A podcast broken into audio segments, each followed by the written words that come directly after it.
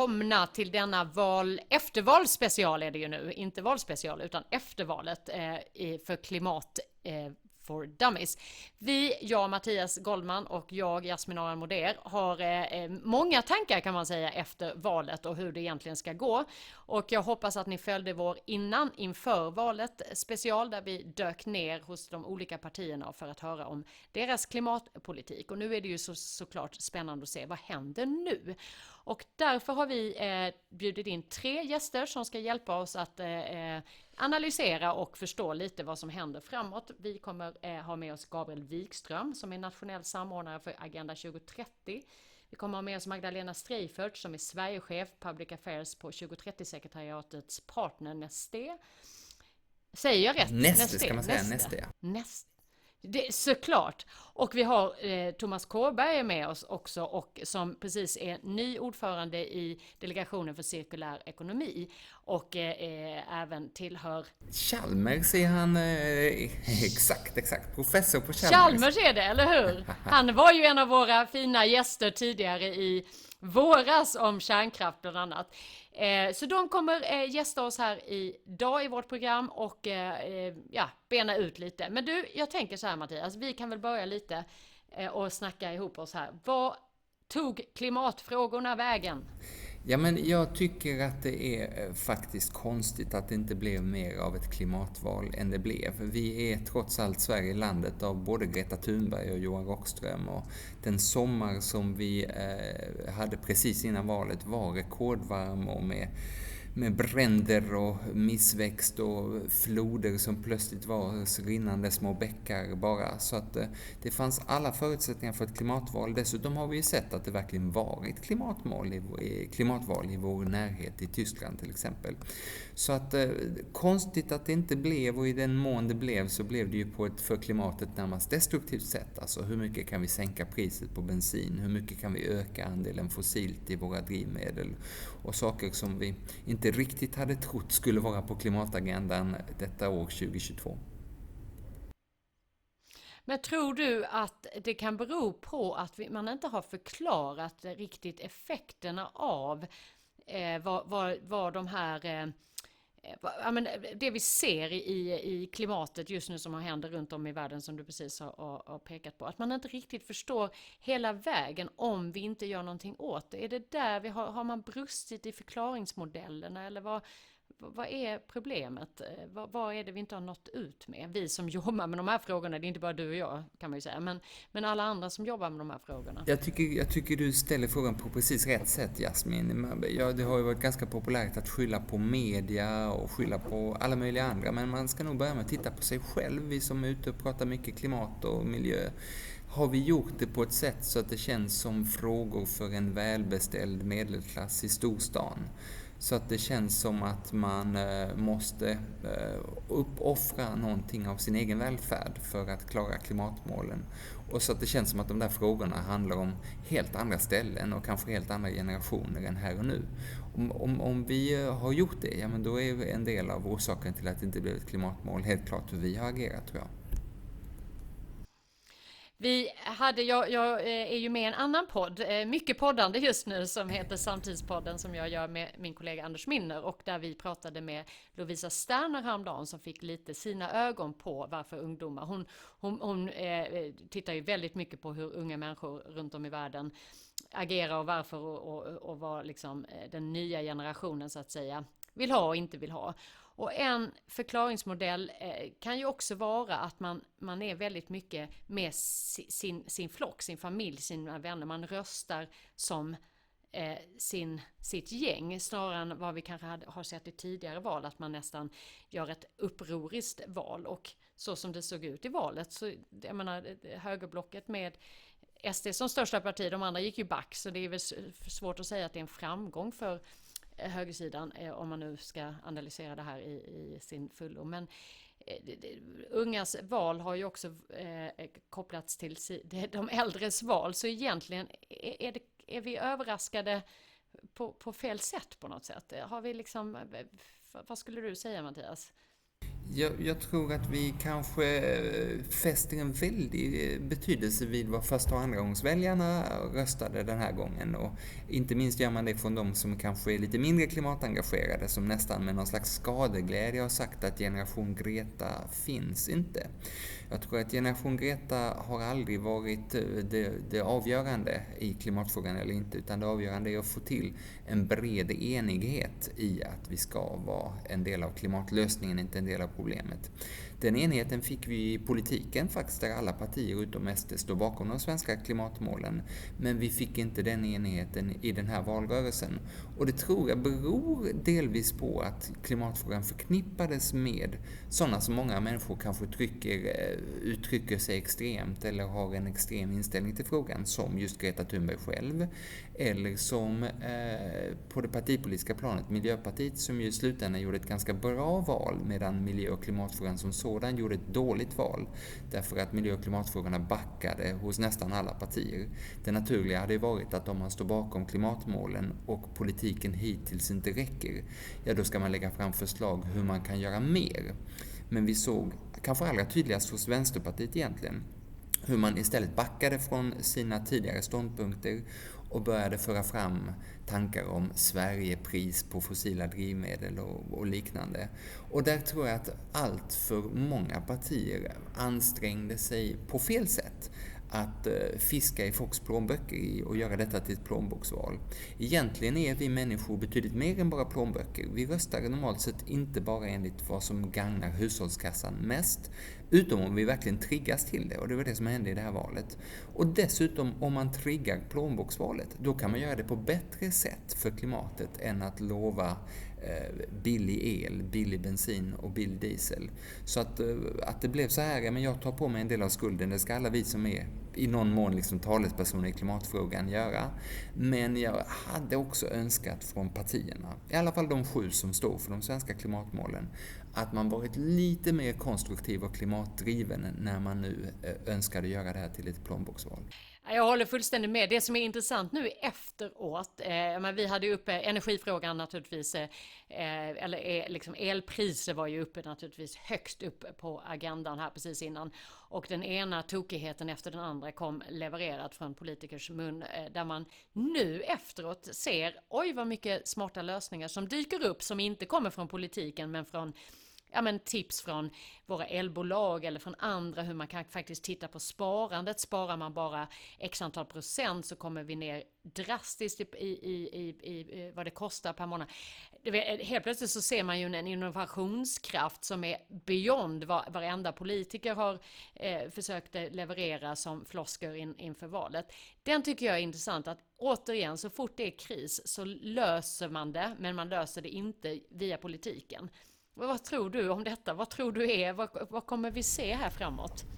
Ja, men det är ju också en del av analysen av valet, tycker jag. Att vi hade ju just innan valdagen ett upprop från över 200 storföretag, inklusive många av de allra största, Ericsson och ICA och Coop och, och sådana som sa ta klimatfrågan Inklusive på allvar. oss, vi var också Inklusive, med, fast vi inte är så stora. Ja, ja. de som är störst och de som är mest framåt. Alla, alla var med. Eh, och dessutom hade vi eh, uppemot 2000 forskare som klev ur sin forskarroll och också skrev att skärpning nu politiker, vi står, vi står inför eh, ett liksom rent existentiellt hot här som, som, det, som ni inte hanterar på något vettigt sätt. Och det där tycker jag pekar på att lösningen finns just nu på många andra håll än i politiken. Jag gör inte någon partipolitisk värdering av det. Det var ju inte så att det blev, var någon, någon deras sida här som klev fram och gjorde mycket bättre än den andra. Utan om man förtvivlar över politiken så kan man dels vara glad över det som händer bättre på andra håll. Kanske i och för sig på lokalpolitiken också, att man kan vara glad på många håll. Men näringslivstrycket i eh, de lite mindre och framåt som Altitude Meetings och de riktigt stora svenska bjässarna också och eh, trycket från forskningen med, med enigheten i klimatfrågan och från civilsamhället i stora delar. Och det där gör att jag till slut också tror att politiken eh, tar sig i kragen.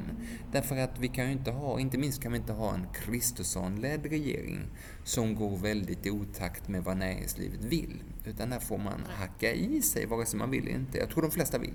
Men även om man inte skulle vilja, får man hacka i sig att näringslivet ser fördelarna av att Sverige är ledande i klimatomställningen. Det ger gröna jobb och det ger sköna exportmiljarder, det ska vi inte missa.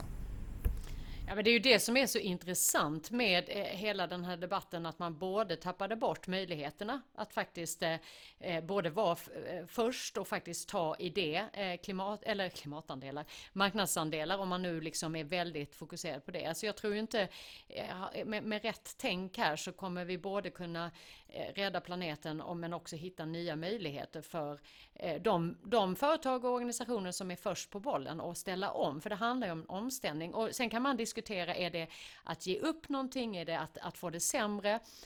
Kanske en definitionsfråga till, till stor del tror jag, men vi, vi har liksom grottat ner oss väldigt mycket att det, det är så svart och det är så mycket uppoffringar i detta. Det är klart att det kommer att bli annorlunda. Eh, men det kanske är så att, att vi kommer se en, många möjligheter och, och som sagt de här partierna som nu, som nu eh, försöker skapa någon typ av av, av eh, regering, de, de, har ju normalt sett varit väldigt eh, näringslivs och eh, företagsvänliga, så de borde väl bara springa på den här bollen då, och tänker jag. Jag tänker det, jag tänker att just våra tre gäster på podden är, är de kanske allra mest spännande att prata med. Om vi, om vi tar dem var och en vad de, vad de ska bidra med här i samtalet så Thomas Kåberger, han har ju varit med hos oss och pratat mycket om att kärnkraften är fel val för framtiden. Eh, och hur han tänker när nu kärnkraften blev en så oerhört viktig del i den kristersonska sidans eh, valseger är ju spännande. Han är dessutom helt nyutsedd ordförande för den cirkulära, regeringens cirkulära delegation eh, för cirkulär ekonomi. Kommer den ens att finnas kvar i den nya regeringen? Jättespännande att höra från honom. Vi har med från Neste, som du nämnde, Magdalena Streifert, hennes reduktionsplikt som är själva grunden för Nestes affärsidé, den var också verkligen uppe för räkning, eller nere för räkning under, under valrörelsen. Så hur hon ser på det är jättespännande.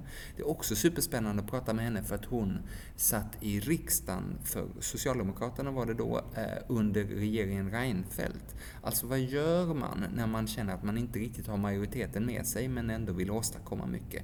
Och slutligen då eh, Gabriel Wikström som är, eh, leder eh, 2030-delegationen. Och där mycket av vallöftena går stick i stäv med det som behövs för att klara de 16 nationella miljömålen och 17 globala hållbara utvecklingsmålen. Hur tänker han? Förtvivlar han eller ser han eh, möjligheter här? Han är också tidigare minister i en socialdemokratisk regering, så även den inputen, hur man äh, agerar äh, med, med hela den kunskapen om vad det innebär att vara äh, minister i en nytillträdd regering. Allt det gör att vi har verkligen, Jasmin, de tre allra mest spännande gästerna man kan tänka sig i just vår podd. Exakt, och det är därför jag tänker att nu, nu kan vi inte vänta längre utan nu eh, går vi faktiskt rast vidare och eh, börjar prata med våra gäster.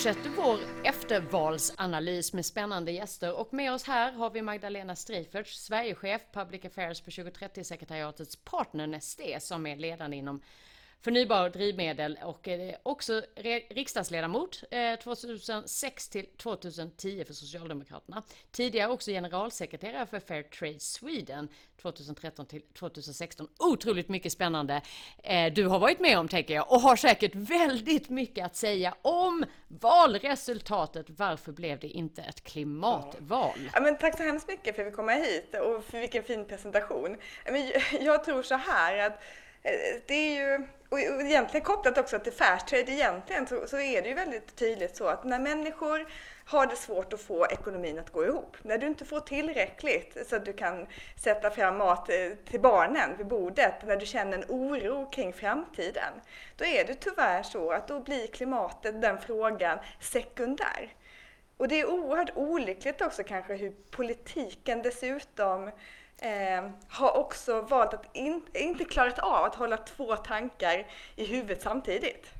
Utan vi är så fokuserade på en fråga och nu kom det här med energikrisen, eh, Rysslands eh, fruktansvärda invasion av Ukraina som gjorde att helt plötsligt så, så hade, blir det väldigt höga elpriser, vi ser höga matpriser, drivmedelspriser och då blev det tyvärr fokus eh, och, och, i valrörelsen. Och det, man hade svårt att det var partier som Miljöpartiet och även Centerpartiet som förde fram klimatfrågan men den blev inte avgörande på något sätt tyvärr.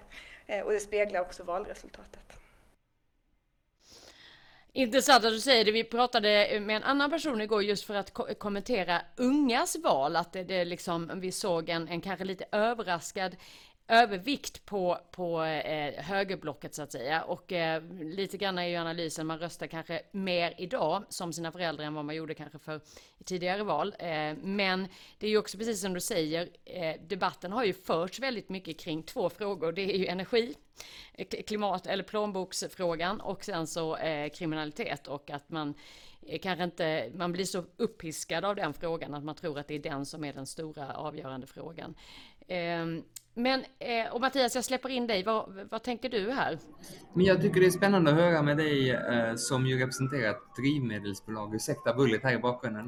Eh, varför vi reducerades och varför valrörelsen reducerades och klimatfrågan reducerades till till exempel reduktionsplikten som jag vet ligger dig nära om hjärtat. Varför det blev några sådana få hjärtefrågor. Ja, men jag tror lite också att det berodde på att, ja, men vi ska också komma ihåg att vi höjde rätt rejält eh, inblandning av biodrivmedel redan 1 januari 2022.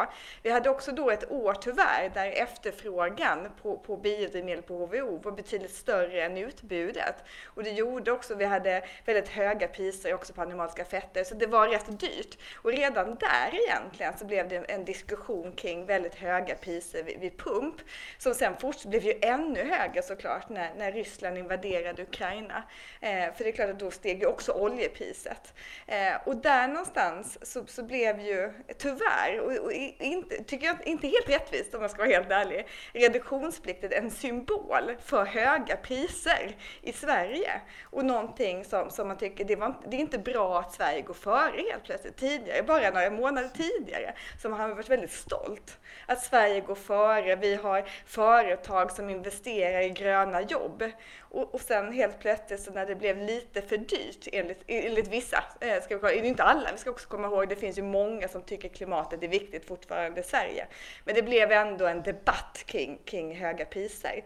Eh, och där någonstans så tror jag det, och jag tror att det finns också en skillnad mellan glesbygd och, och staden. Eh, så, som har blivit ännu mer polariserad. Så, att, så då blev reduktionsplikten som sagt en, en, en ganska stor ty, eh, så här, en symbol för någonting. Eh, som, som jag tror. Varje valrörelse har ju på något sätt sin symbol och ibland har de symbolerna varit till liksom klimatet och miljöns eh, fromma med sälvalet som var första gången jag röstade till exempel. Och nu blir det tvärtom att de starka symbolerna blev närmast dåligt för klimatet och jag tänker också att vi reducerades till plånböcker på ett sätt, vi väljare, på ett sätt som statsvetarna säger att det är vi egentligen inte. Vi tänker på mycket mer än bara det när vi går och röstar, till exempel på klimatet och vår gemensamma framtid. Hur, hur kan det bli så gång på gång? Och hur, på något sätt är det ju ett misslyckande för till exempel dig och mig, eh, eh, att vi blev så. Man ska verkligen titta nu och göra en ordentlig eftervalsanalys, inte bara de politiska partierna, eh, utan också media, journalister och, och vi också i miljörörelsen. Mm, mm. För jag tror att vi alla har en, en, liksom en, skuld att bära, om man så säger.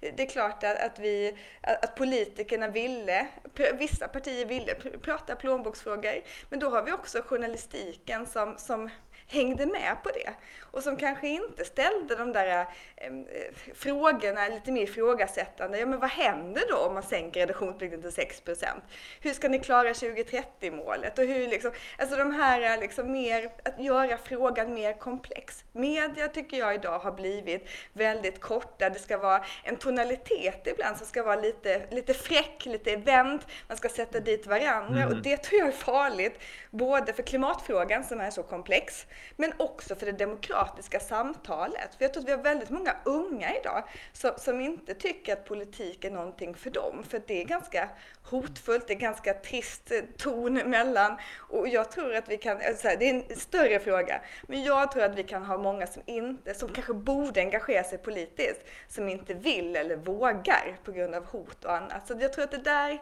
Eh, så det är en del. Sen har vi också oss själva, både vi företag och, och även miljöorganisationer som, som inte jag tyckte kom till tals heller riktigt i den här valrörelsen. Och vi, vi, tror, vi, tror, att alla, vi tror att alla tycker att det är viktigt med klimat. Och jag fattar inte vad, man mer kunde, vad som mer kunde ha gått klimatets väg så att säga i den här valrörelsen. Alltså vi har ju landet och Greta Thunberg och Johan Rockström. Vi hade fruktansvärda bränder och hetta. Vi hade ett stort näringslivsuppror med över 200 av Sveriges absolut ledande företag och nästan 2000 forskare som klev ur sin vanliga forskarroll och sa att det här duger inte, vi måste ha upp klimatet på dagordningen och så blev det ändå åt fel håll. Så jag menar, om, om vi inte lyckades nu, när tusan ska vi lyckas? Jag, tror, jag tror ju, eh, precis, men jag ska också komma ihåg att vi har många som också röstade, tror jag, på klimatet. Mm. Vi har i storstäderna. Och jag tror att vi, vi, vi, vi når en viss grupp de som läser eh, tidningar och de som tar till sig. Men sen har vi också också väldigt stor grupp på glesbygden. Den har vi inte nått uppenbarligen. Eller så, så, så, så tyck, man tycker att vi lever inte i deras verklighet. Och jag ska ärligt talat säga att jag har ingen bil, jag bor i en lägenhet och jag, jag kan cykla dit jag ska. Jag tror inte alla har det. För jag tror att det har blivit en, en motbild och därför så, så lyssnar man inte riktigt på vad vi säger och det är viktigt att komma ihåg när vi pratar att det inte lyckades så bra för klimatet i valet så pratar vi inte om något enskilt parti utan, utan vi pratar om att snart sagt eh, across the line nästan alla partier backade på klimatområdet och har en sämre klimatpolitik 2022 än de hade inför valet 2018. Och då tänker jag att det där borde vi ha liksom vaccinerat våra kära folkvalda mot de allra värsta avarterna i alla fall inför valet blev, och, och, en sån fråga som verkligen är affärskritisk för er på nästa där du jobbar, är ju den här reduktionsplikten. Vi ska inte prata så specifikt om den. Det kan vi ha ett särskilt klimatfördömelse om. Men det är ändå så där, blev ni tagna på sängen? Har vi, har vi för dålig omvärldskoll när vi liksom kommer in i en valrörelse där en massa av frågorna plötsligt går oss emot? För min del så blev jag inte tyvärr tagen på sängen för jag kände, det har liksom varit en diskussion, en debatt under hela året. Men det är klart att mina vänner i Finland, de, de blir ju chockade. Sverige? Nej men det är inte möjligt att det kan gå från 30,5% till 6%. Alltså, eh, det är liksom, eh, de blev tagna på sängen men det är klart att jag tycker, och det kanske man har varit med i politiken mycket också och, och liksom lite har eh, örat på rälsen och så vidare. Alltså, som du säger, det var ju liksom generellt. Klimatfrågan var inte på dagordningen. Vi har en frustration i mm. glesbygden och, och det såg vi i valresultatet. Men du, bara, jag måste bara tillbaka lite till medias roll och, och eh, liksom, eh, vems eh, liksom, roll det är att lyfta denna frågan. Ja, eh, vårt bolag bland annat var med och undertecknade en, en artikel här precis innan valet eh, ägde rum där, där 200 plus företag sa att hörni, politiken, politikerna, vi i näringslivet vill visst gå före. Eh, och det här jag kan ibland se att det finns en, en, enorm diskrepans mellan vad som händer, verkligheten, och sen om vi pratar de som faktiskt berörs av de högre bränslepriserna, men också att det finns faktiskt ganska många som är beredda att ta lite risker, investeringar, högre kostnader för att vi på andra sidan ska komma eh, till en, en bättre värld och en bättre möjlighet till affärer eller vad du nu har. Hur har det, är det möjligt att politiken och på något sätt verkligheten har kommit så enormt långt ifrån varandra? Jag tror också, och jag är ledsen om jag, jag ska inte sväva ut för mycket, men, men det är klart att vi har politiska partier idag som kanske inte har den förankringen i, i verkligheten. Alltså, så att säga, det drar verkligen inte alla över en kam och så vidare. Men det är klart att jag som representerar Socialdemokraterna, jag vet ju, vi hade studiecirklar, vi fanns på arbetsplatser, föreningsliv. Jag tror att, att, att liksom, eh, avståndet mellan om man så säger, vanliga äh, förvärvsarbetare eller vanliga människor och, och politiker har blivit lite för lång. Alltså det är liksom, jag tror att där någonstans så, så, så tror jag att att den här bildningen eller opinionsbildningen som vi behöver göra på så vaccinera Mattias som du var inne på, eh, den har varken politikerna klarat av utan de följer opinionen eh, snarare än att bilda opinion. Just det. Och det gäller ju vi, oss också kanske då, att, att vi, vi tror att alla är där, eh, att man tycker att klimatet är viktigt. Men vi har inte bildat, vi måste gå tillbaka till basics och det tror jag politiken också behöver göra, att man måste börja bilda opinion, inte följa opinionen. Eh, för det tror jag är lite farligt. Ja, men där tror jag du har väldigt, eh, eh, en väldigt bra poäng att vara lite modig och, och berätta, men också kanske då ta hänsyn till de som är oroliga på riktigt. Eh, för en vardag blir inte så lätt när, när det blir så höjda priser, men att man har en plan för, något, eh, för, för det här också. Det tror jag är väldigt viktigt. Men vad ser du? Jag menar, du, du, du eh, har ju, du är ju van både, både som i opposition och, och, och från politiken. Vad, vad tror du kommer hända nu? Kommer det vara liksom fyra år av ökenvandring eller hur agerar man i riksdagen för att få igenom sina idéer? Men, men jag tror att det kan nog vara en tuff början, för någonstans så behöver man genomföra de löften som man gav i valrörelsen.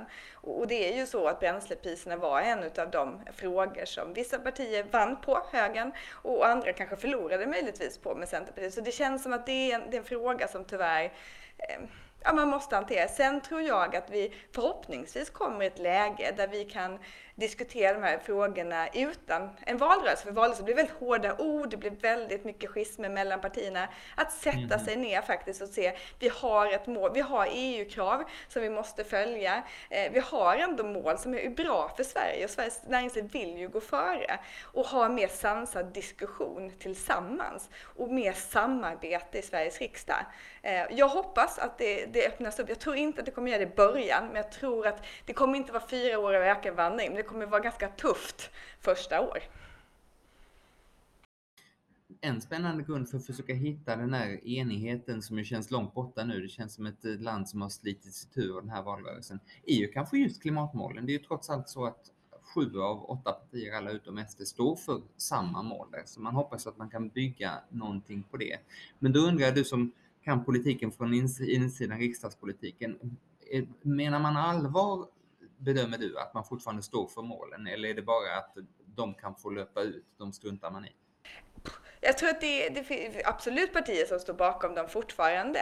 Eh, men, men jag tror, och jag tror att det är lite gungning nu här. Eh, och jag tror det är otroligt viktigt att, att, att här bilda opinion och, och, och hjälpa till att, att förklara varför de här målen är viktiga. För har vi mål bara för att, Eh, Eh, det tror jag, då tror jag det är svårt att behålla dem och då kommer de skjutas fram och så vidare.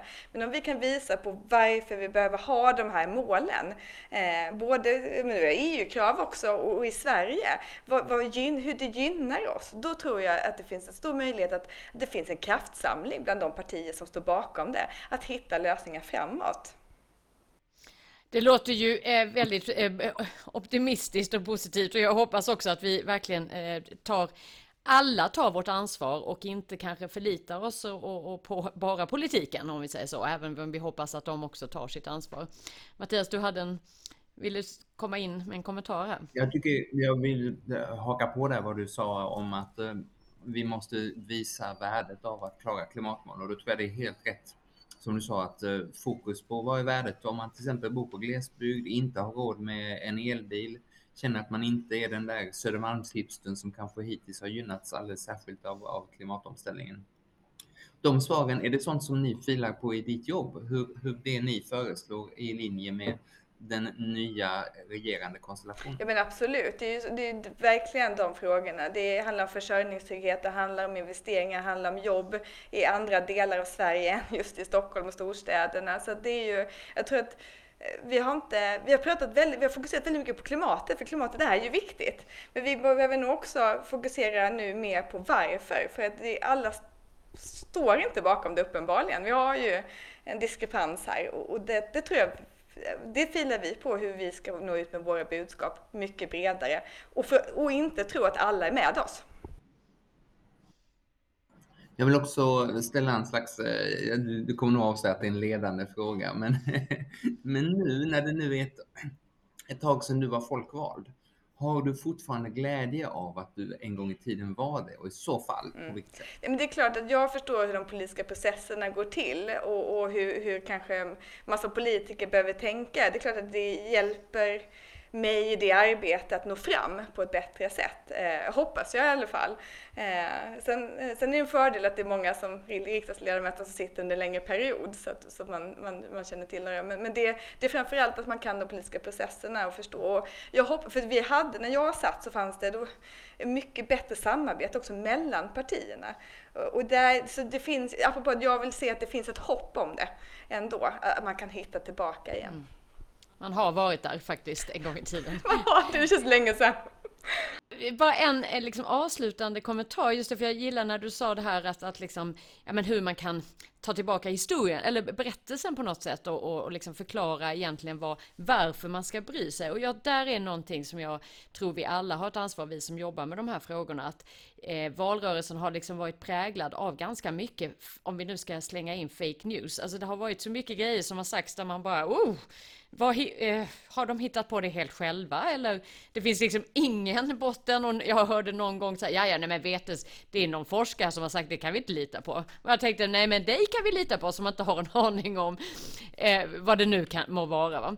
Eh, och det som väl är en läxa då tillbaka, det är ju precis som du säger att se, ja men varför ska vi bry oss? Vad är konsekvensen om vi inte gör någonting? Och vad kan det faktiskt gynna oss om vi agerar? Att det faktiskt inte bara betyder en uppoffring eller att vi ska Alltså tvärtom, och den hoppas jag vi kommer tillbaks till. Eh, för att det kommer bli bra. Men vi måste, det blir lite hack på vägen. Så, så är det ju. Ingen eh, liksom, framgångssaga går liksom rakt uppåt, utan det är ju lite bumpy roads. Mm. Och, och, det, och vi behöver ta till oss, vad kan vi göra bättre och så vidare. Så jag, jag, det blir bra. Eh, jättebra avslut tycker jag, men det kommer bli lite tufft på vägen. Jättebra. Du, stort tack Magdalena för att du var med och jag tänker att vi kanske bjuder in dig igen till ett lite längre samtal och eh, grotta ner oss i, i dina specialfrågor. Tack för att du var med. Vi hörs eh, senare. Ja, men jättebra. Tack så mycket. Hej. Hej.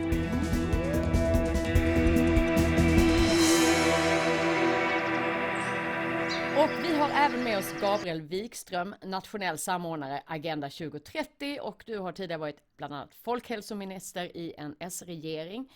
Eh, vi tänker lite här att eh, eh, höra vad du tänker framåt nu med den nya politiska majoriteten. Vi vet ju inte riktigt hur den kommer se ut, men du vet både med covid och krig och allt annat eh, krisigt i närområde och storområde så känns det lite som de hållbara utvecklingsmålen har backat.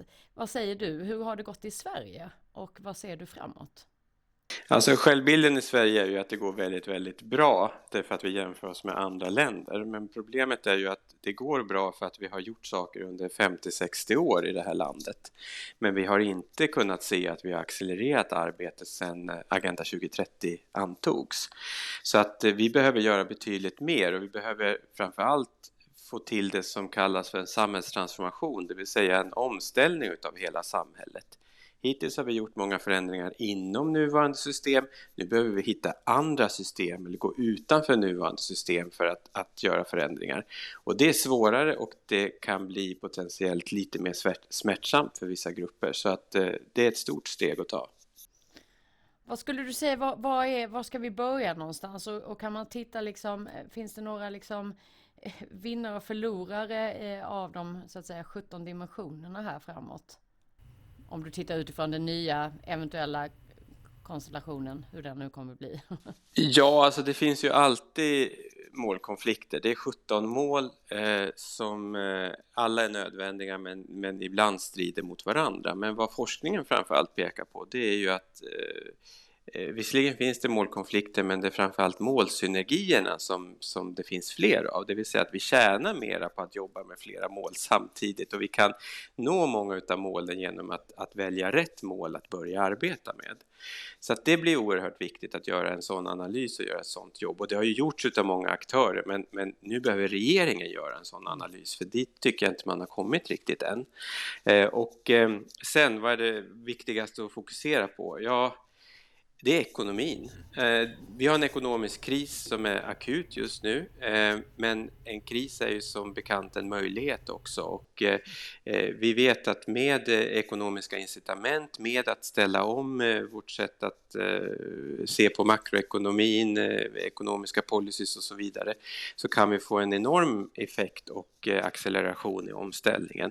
Men då måste man våga fatta ett antal tuffa beslut. Och här finns så mycket Gabriel som, som vi vill haka på. Jag börjar i det du först sa, nämligen att eh, man behöver hitta synergierna mer systematiskt mellan de olika, både kanske nationella miljömålen och de globala hållbara utvecklingsmålen. Eh, vad ser du för förutsättningar med den nyvalda majoriteten i riksdag och regering att göra detta? Ja, eh, det ska man väl vara ärlig och säga att eh, det är ju inte de partier som står bakom den, eller finns i den nya majoriteten, som mm. kanske har utmärkt sig mest på att vara förespråkare för agendan eller för hållbarhetsfrågor i stort. Men med det sagt så finns det ändå några intressanta punkter. En, eh, om jag tar Agenda 2030-arbetet yes. specifikt så har ju till exempel Moderaterna eh, motionerat om att man behöver en handlingsplan och det där är någonting som jag själv lyfte upp i min delredovisning till regeringen i våras att vi måste ha en handlingsplan där man kan prioritera vilka är de viktigaste åtgärderna men också förklara varför man väljer bort vissa saker åtminstone i ett kort perspektiv och kanske återkommer till dem senare. Men också att man kan resurssätta detta. Det är för att eh, de åren nu där vi har saknat en handlingsplan eh, så har det varit dålig styrfart och det har varit svårt för aktörer runt om i samhället att förhålla sig till regeringens politik på det här området men också se sin egen roll. En annan sak Gabriel som du tog upp var ju vikten av eh, ekonomi här. Jag tror att både det tillträdande gänget som sådant men också tiderna vi träder in i någonting som närmar sig en recession, kraftigt ökade utgifter för försvaret i samband med NATO-medlemskap och så, talar för att, att du får rätt, att ekonomin blir, blir, blir viktig. Vad innebär det konkret när man mer sätter kronor och ören på klimat och hållbarhetsarbetet? Ja, jag skulle vilja inte börja i kronor och ören utan börja i, i den övergripande politiken kring ekonomin och då kan man jämföra med 90-talskrisen. Det är ju den allvarligaste ekonomiska krisen Sverige har gått igenom sedan 30-talet och eh, men den resulterade också i ett enormt reformarbete där man tittade på allt ifrån hur de konstitutionella förutsättningarna för att fatta ekonomiska beslut i riksdagen till Riksbankens oberoende till liksom budgetregler med mera med mera. Och det är en sån reformagenda som vi skulle behöva nu när det gäller hållbarhetsarbetet. Och den skulle också hjälpa oss att ta oss ur den, den, den akuta krisen vi befinner oss mitt uppe i. Eh, så att en, en reformagenda som förmår att med hållbarhetsglasögon titta på vårt finanspolitiska ramverk, förmår att titta på vårt skattesystem och förmår att titta på eh, den ekonomiska politiken i stort. Det är det som vi skulle behöva just nu. Det låter lite Gabriel som att vi behöver eh, en, en regering med rejält med handlingskraft. Är det det vi ser framför oss? Jag vet inte. Det finns ju många frågetecken. Jag ska vara ärlig och säga att det finns frågetecken även om, om eh, Magdalena Andersson och de regeringar, eller partier som stöttar henne hade fått fortsatt så var det många frågetecken kring just handlingskraften. Det är för att det är många partier med skilda ideologier och som hittills har visat att man på båda sidor har satt egenintresset före laget. Eh, så att det är frågetecken på båda håll och eh, eh, det talar väl för att man skulle behöva hitta mycket bredare uppgörelser, speciellt om den ekonomiska politiken, för att både få kraft men också kunna, kunna få en långsiktighet i den politik som förs. Jag måste bara slänga in en liten eh, eh spaning. Jag modererade ett eh, samtal igår på eh, något som heter The EU Day i Lund. Och det, mina samtal handlade mycket om digitalisering. Man har ju liksom att eh, 2030, eller det här eh, eh, Alltså nu mellan 2020 och 2030 så, så, ska man då bli liksom eh, Europa ska bli digitaliserat. Vi saknar 12 000 eh, IT och eh, eh, eh, specialister runt om i, i Europa. Och så satt vi och pratade på lunchen om att digitaliserings liksom, eh, ivern och möjligheten och eh, behovet inte riktigt går i hand i hand med när vi pratar om hållbarhet och där man ser ju ofta att mycket av digitalisering, sen finns det ju baksidor av detta också utifrån ett klimatperspektiv, men mycket av det också är, skulle kunna vara en lösning, hävstång, vad du har. Bara det att de här två områdena, i alla fall i om man tittar på hur man jobbar med dem rent liksom eh, innovationssystemsmässigt så, så pratar man inte ihop sig. Är inte här en möjlighet att slå två flugor i en smäll? EU satsar otroligt mycket pengar på digitaliseringen. Om man kunde bara liksom vinkla in det här på något sätt. Nu kommer ju min, ni hör ju, nu ska vi lösa problem med eh, liksom, tänk. Gabriel, kan inte ni ta den stafettpinnen? Jo visst, absolut. Jag tror att, liksom, eh, att digitalisering är bra, men det är inte, jag har inte längre den där halleluja-stämpeln kring digitalisering som jag kanske haft tidigare. Och det beror ju på att det har kommit rapporter och undersökningar som visar att digit, alltså, digitalisering i sig har inte alltid alla gånger lett till effektivare processer eller för den delen att vi jobbar, jobbar smartare generellt, utan man måste vara noga med vad är det som vi ska satsa främst på när det gäller digitalisering och hur ska vi använda de digitala verktygen. Och ett exempel där vi faktiskt eh, jobbar ifrån Agenda 2030-kansliet, det gäller statistik och data.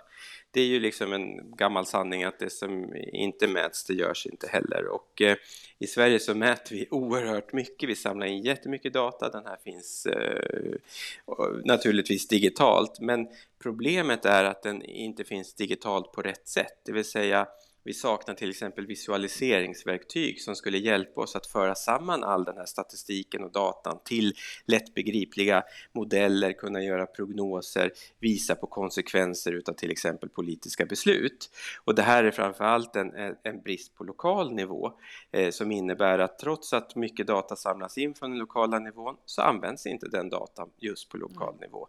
Så att är det någonting som vi borde göra framöver då är det liksom att satsa mera på att skapa visualiseringar visualiseringsverktyg som kan underbygga mm. beslut. Det tror jag kommer vara bland det viktigaste. Ja men bra medskick och lite kommer över då bryggar över till ert arbete med som jag eh, personligen tycker är superspännande den här, det här förslaget kring nollvision avfall. Det är lite kopplat till mätning och hur vi kan liksom eh, faktiskt förstå hur mycket avfall vi, vi producerar eller där vi liksom skulle kanske kunna genom en visualisering se vad kan vi använda detta till eh, på andra områden utan att, att, eh, att det blir ett avfall så att säga. Men du, vad, vad, mer, eh, vad tror du att detta, vad kommer hända med detta? Hur relaterar detta till det nya styret tror du? Kommer ni fortsätta i den här riktningen eller vad tror ni? Ja, eh, nu har vi ju haft ett antal samtal med en mängd olika aktörer kring vår hypotes kring nollvision avfall och man kan väl säga att liksom, det är två delar i detta. Dels är det att låna en metod ifrån trafikområdet där man har jobbat med nollvisionen i trafiken, alltså noll döda och svårt skadade i trafiken. Eh, den metoden kommer vi fortsätta jobba med. Men däremot målsättningen eller konceptet kring nollvision avfall eller namnet snarare, det kanske vi kommer att skruva lite på för att de flesta tänker avfallshantering. Och vår poäng med det här, den här idén, det var ju att man skulle fånga in hela kedjan. Egentligen ända från det att man börjar tänka på om man behöver tillverka en produkt överhuvudtaget till hur man tillverkar den, hur den eh, transporteras och säljs till konsumenter, hur konsumenter köper, hur konsumenter använder för att slutligen hur den används när den inte längre eh, liksom är bruklig i dess nuvarande skick. Så vi ville fånga in hela kedjan eh, och jag tror att vi gör det med metoden men det är svårare med målsättningen.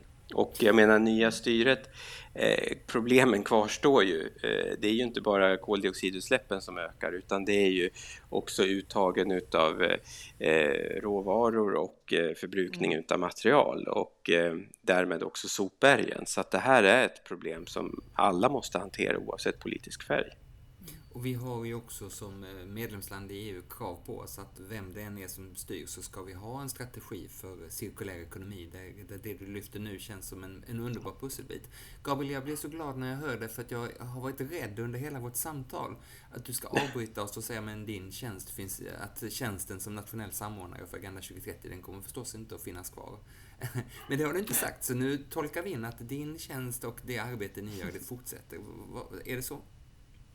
Alltså ja, vi tuffar ju på och eh, eh, menar, så här är det ju att jag har mitt uppdrag till mars 2024. Men det är klart att regeringen bestämmer så att vill regeringen prioritera om bland de uppdrag man är till utredningar och annat så är man fri att göra det. Men nu har vi ju inte ens någon regering på plats än och vet ännu mindre om vad de vill med just det här området. Så att det är ingen idé att liksom spekulera utan det handlar bara egentligen om att jobba på. Vi har många roliga initiativ och, och samarbeten i, i eh, igång nu. Så att det blir också svårt att bara bryta från en dag till en annan. Det finns ju en signal till så många av oss att eh, vad man än tycker om, om valutgången, några är gladare än andra, eh, så liksom jobba på och tuffa på, det är så vi löser klimatutmaningen och att se det välfyllda glaset. Jasmin? Ja, men jag håller fullständigt med och det är roligt att höra. Jag tror ju eh, väldigt starkt på att vi alla måste eh, köra på helt enkelt. Vi kan inte vänta in och vi kan framförallt inte vänta in en regering som inte ens har bildats än. Så vi eh, kör på och jag hoppas Gabriel att vi ser mycket av eh, det ni jobbar med, att, att det faktiskt blir lite action på det området för att det finns många spännande tankar här. Så jag är eh, så tacksam att du, eh, du finns och att ni gör detta och att du var med oss och gav lite eh, hopp framåt trots allt. Vi måste ta varenda strå här va? Så eh, tack Gabriel. Ja, men stort tack själva.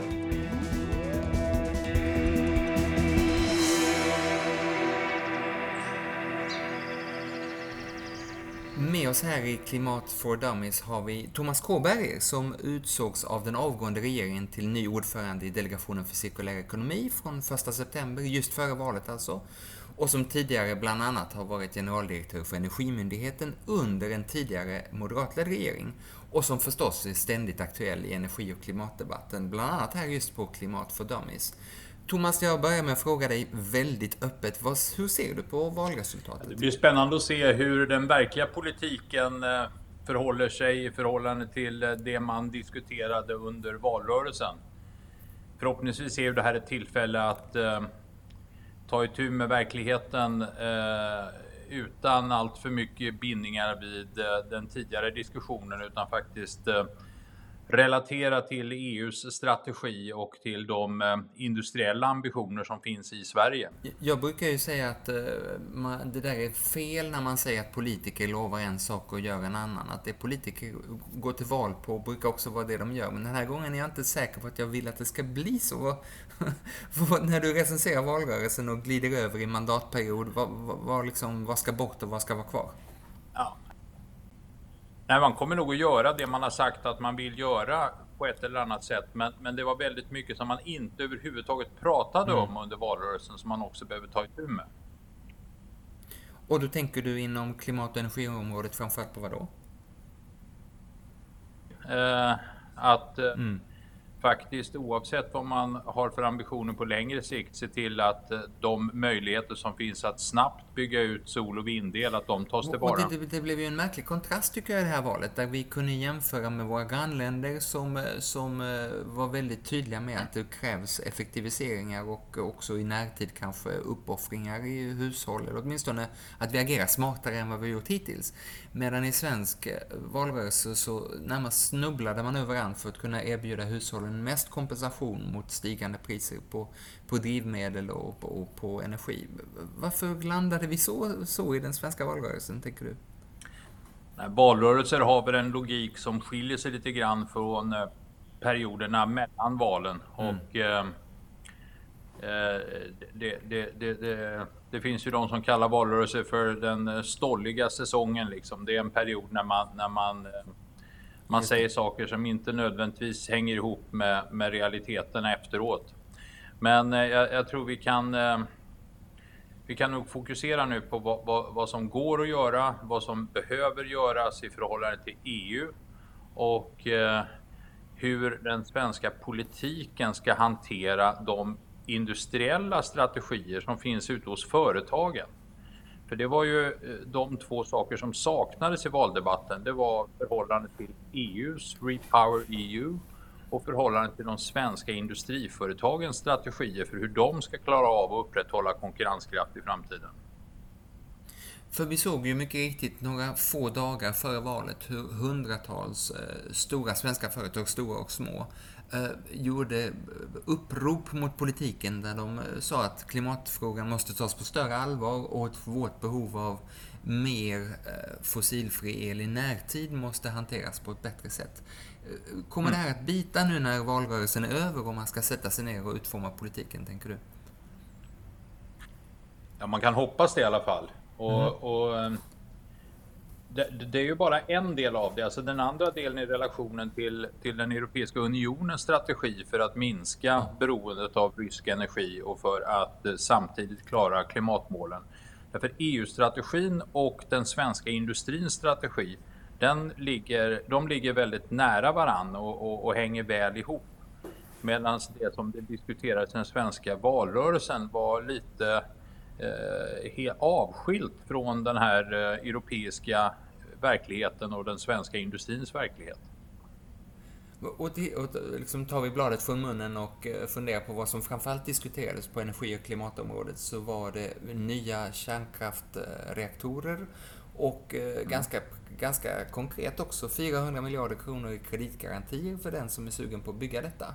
Eh, vad, vad kommer hända med detta? Kan man lägga det åt handlingarna bara eller finns det ett sug efter dessa pengar rent av? Nej, man, får väl, man blir väl tvungen att erbjuda de där 400 miljarderna. Eh, men frågan är om det räcker. Det finns mm. ju de svåra frågorna för kärnkraften. Det är ju sånt som har att göra med om nybyggda reaktorer ska åtnjuta samma förmån som de existerande när det gäller det ekonomiska ansvaret för stora olyckor. Och en annan fråga om nya reaktorers avfall ska eh, belasta företagen fullt ut eller om också nya reaktor, eh, reaktorers avfall ska hanteras enligt principen att skattebetalarna tar över ansvaret när avfallsförvar är förslutna. De två frågorna kommer att ha stor betydelse för eh, om någon är beredd att eh, åta sig ansvaret att eh, bygga och driva nya reaktorer. Och nu Thomas, vi har ju haft med dig på podden förut så vi vet att, att din bedömning är att kärnkraft inte är det mest konkurrenskraftiga man kan ägna sig åt. Men, men ditt stalltips här, tror du att det kommer att landa i att någon kommer att vara intresserad av att söka de här pengarna och att villkoren kommer att bli sådana så att det kanske rent av byggs? Alltså det är inte omöjligt att någon kommer göra det. Alltså det, det är ju inte mm. bara i Sverige som man diskuterar nya reaktorer och eh, eh, de här ambitionerna att man genom att eh, bygga större serier av många reaktorer ska kunna få ner kostnaderna. De har ju varit eh, populära tidigare under tidigare decennier och även de här mm. europeiska tryckvattenreaktorerna som man nu bygger i Finland och Frankrike och Storbritannien var ju också reaktorprojekt som drogs igång med ambitionen att man med denna moderna storskaliga konstruktion skulle kunna få ner kostnaden genom att leverera väldigt många reaktorer. Men problemen har ju blivit stora i verkligheten. Men precis som det ledde till att man faktiskt satsade väldigt mycket pengar på, på en ny eh, serie kärnkraftverk så kan man tänka sig att man lyckas förmå åtminstone statliga aktörer att gå in ytterligare en gång i en, i en serie reaktorer. Om det sen lyckas att få ner kostnaderna, det är en annan sak. Men det kan mycket väl hända att man kommer att försöka igen. I en kanske lite dålig liknelse så tycker jag att det var spännande att se hur de borgerliga partierna på infrastruktursidan avvisar stora satsningar på höghastighetståget därför att nyttan är allt för långt in i framtiden och vi behöver lösa problemen här och nu. Men på energiområdet så agerar man eh, nästan till tvärtom. Alltså kärnkraften, vad man än tycker i övrigt, så är det svårt att tänka sig att den ska lösa behovet av, av eh, el och effekt alldeles i närtid. Vad, vad ska vi göra i närtid givet de eh, beslut och inriktningar vi har sett i politiken? Vi vet ju att det går fort att bygga solelanläggningar och mm. det går fort att bygga vindkraftverk på land. Och, och, till och med vindkraftverk till havs kan byggas på ett par år om man har eh, eh förberett tillståndsprocesser och infrastrukturen kan byggas. Eh, och, och längs Sveriges kuster så finns det ju många projekt som har kommit långt när det gäller tillstånd och förberedelseprocesser. Och anslutningen till elnäten behöver ju inte ske genom att Svenska kraftnät bygger ledningar från högspänningsnätet direkt ut till, eh, till territorialvattengränsen eller till parkerna utan man kan ju ansluta flera av dessa parker också till regionnät. Och då kan eh, planeringstiden bli, bli kortare. Konkreta exempel på hur snabbt det kan gå är ju till exempel Vattenfalls projekt i Holland där man började bygga en 1,5 gigawatts park för ett drygt år sedan, sommaren 2021 och den har börjat leverera el ett år efter det att man började bygga och den kommer vara i full drift efter ungefär två år. Eh, så att det är ju en helt annan tidsskala från det man börjar själva det fysiska byggandet till det att de börjar leverera el om man jämför med, med till exempel kärnkraftverk och andra stora termiska anläggningar där det typiskt tar många år, ibland upp till 10-15 år. Och för att nu ingen ska tycka att, att vi här på Klimatfördömning tar någon slags partipolitiska äh, ställningstaganden så vill jag lyfta fram att äh, det är ju spännande att se att Moderaterna på lokal nivå alldeles nyligen, till exempel i Varberg, äh, vände och tog positivt ställningstagande för, för vindkraftsutbyggnaden där. Ser du ett, liksom, detta, detta veto mot vindkraften, ser du en en en eh, ökad vilja att kanske inte använda sig av instrumentet lika flitigt som förut för att stoppa vindkraftsprojekt? Man kan ju tänka sig att med en, en, en regering som har samma partikonstellation som en kommunal majoritet så kan ju den kommunala majoriteten vara intresserad av att hjälpa till med utvecklingen som sänker priserna och ökar tillgången på el. Eh, mm. än när man har en, en, en, regering med en annan konstellation som man då inte känner någon anledning att stödja. Så att det kan ju hända att, att det, det förändrar sig ute i kommunerna. Intressant och för den som nu tycker att uh, den där frågan om ja men vad gör man när det inte blåser, att den inte har fått sitt svar. Så jo då, det har vi en hel podd med Thomas Kåberg om just den och andra angränsande frågor. Men Thomas, en, en annan angränsande fråga är ju att när du var GD för Energimyndigheten så var det under eh, förra moderata statsministern Reinfeldt och nu får vi av allt att döma en ny moderat statsminister. När vi lyssnar på detta så är det nog dessutom klart, gissar jag. Eh, har du något medskick hur man hanterar att eh, leda energifrågorna för att få så mycket som möjligt gjort i omställningen? Jag tyckte att den eh, alliansregering som satt när jag tillträdde som generaldirektör, de hade ju mm. en utmaning som var allvarlig. Därför då var situationen den att under de tio första åren på 2000-talet så var ju Sverige en nettoimportör av el. Det vill säga elpriset i Sverige var högre än elpriset i de länder vi importerade från. Och vi importerade inte bara enstaka timmar utan huvuddelen av, av året.